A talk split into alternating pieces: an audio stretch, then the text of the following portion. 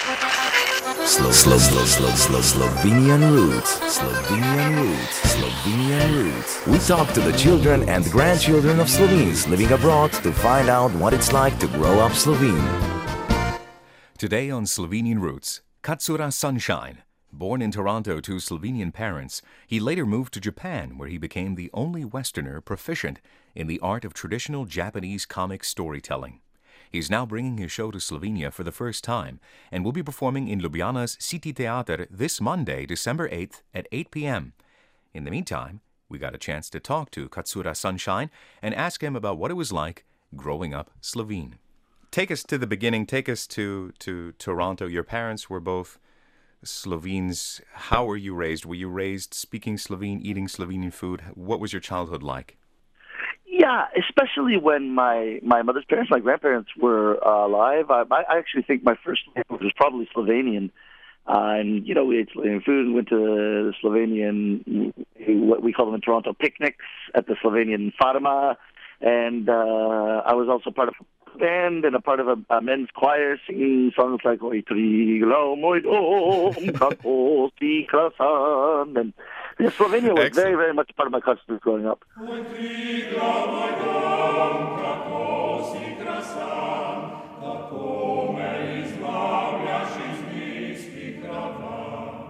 Wow. So, and when did you actually see the country for the first time?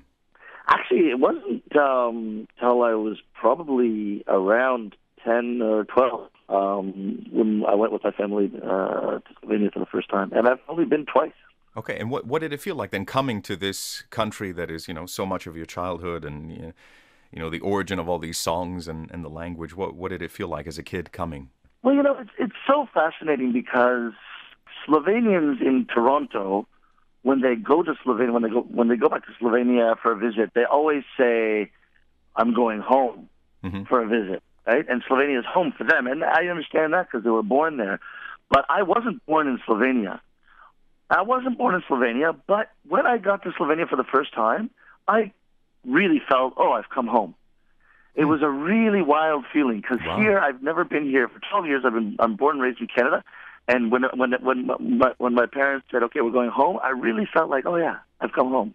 Wow. But there were funny things too, you know, because I spoke Slovenian quite well when I was a kid.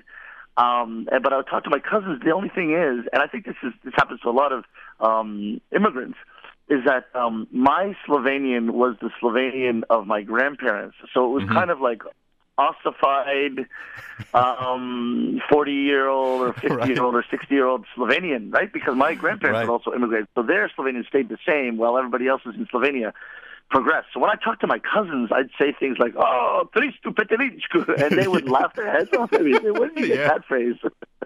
So then your your your journey took you to uh, Japan, um, and Yeah. now you're a cultural ambassador. Um, it must be difficult for you to actually uh, feel identity, or how do you f- see your own identity?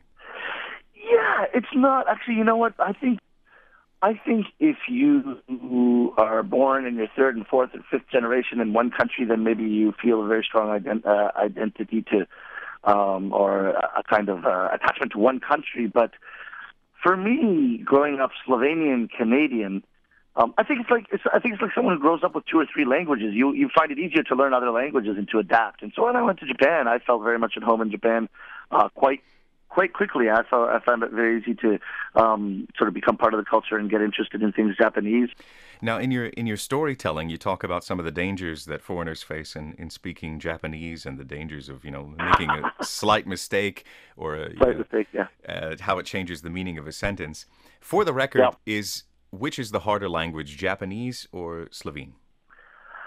I think, what, it depends on on where you were born. But I, for for me, having grown up with Slovenian and English, and then the, of course we learned French in school, right, in in mm-hmm. Canada, and Right. I, I I picked up a bit of Russian on the way, and all of these languages, there's there's some kind of affinity among them, even though they're they're quite you know the vocabularies might be very different. But when you start, when you go, all of a sudden you, you dive into Japanese, it's just really you're starting from zero. Like there's not even a word that's similar. So that was quite difficult. Also, the Japanese language has all these levels of politeness. Yeah. Um, and it's uh, some of some of the material I do on stage is, is about the level of politeness. There are, you know, how would you say thank you in, or you know in Slovenian you say hvala, and if you Yeah. want to be more polite you'd say hvala lepa, right? Right. And in English too, it's like thank you or thank you very much or thank you so much. It's not that many, but in Japanese there's 47 different ways to say thank you. It's crazy. Oh no. And then when you get to the top of the list, there's 47 of them, and when you get to the top of the list, it's uh, nanto kansha moshiagete yoi ara kotoba mo gozaimasen, which means in order for me to express the gratitude I feel towards you, there are no words in the language. Oh wow. no words. 47, but they they say the top one is no words. right. That's beautiful.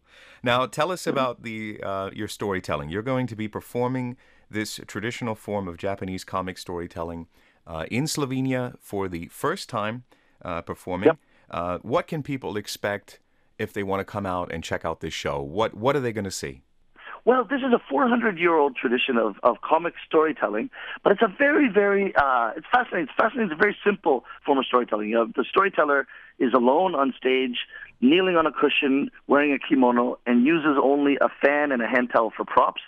And the first half is a lot like stand-up comedy in the in the sense that it's a, it's very much the storyteller's own material and observational humor and sort of jokes and like little anecdotes about for me it would be like about the grammar the hard grammar in, Jap- in Japan or making mistakes and that kind of thing right so in the first half I think the audience can expect to laugh a lot at the same time, I, uh, what they'll learn a lot about Japan. A lot of a lot of my audience members say, you know, I, I laughed, but I, I learned so much about Japan. I, I I felt like I wanted to go to Japan after I heard it. So there's there's that side of it, and then the second half of the performance, you launch into a story by playing characters and just moving your head from left to right uh, to indicate different characters, and it's there's almost no narration. It's all just characters talking to each other, um, and the and the story ends in a punchline, and and that makes it one uh, full set. Beautiful. Now, will you be incorporating anything Slovene into your performance when you're here? I have brought my accordion with me, and All I will be doing a little bit of accordion performance, which has a little bit of, of a Slovenian touch to it. Yes. So that's a big yes. Wonderful. Yeah. Katsura Sunshine, thank you very much for speaking with us, and we wish you all the best in the you much. future. Thank you very much. I really look forward to seeing everybody. This was Slo- Slo- Slo- Slo- Slo- Slovenian Roots. To listen again or find out more, go to www.radiosi.eu.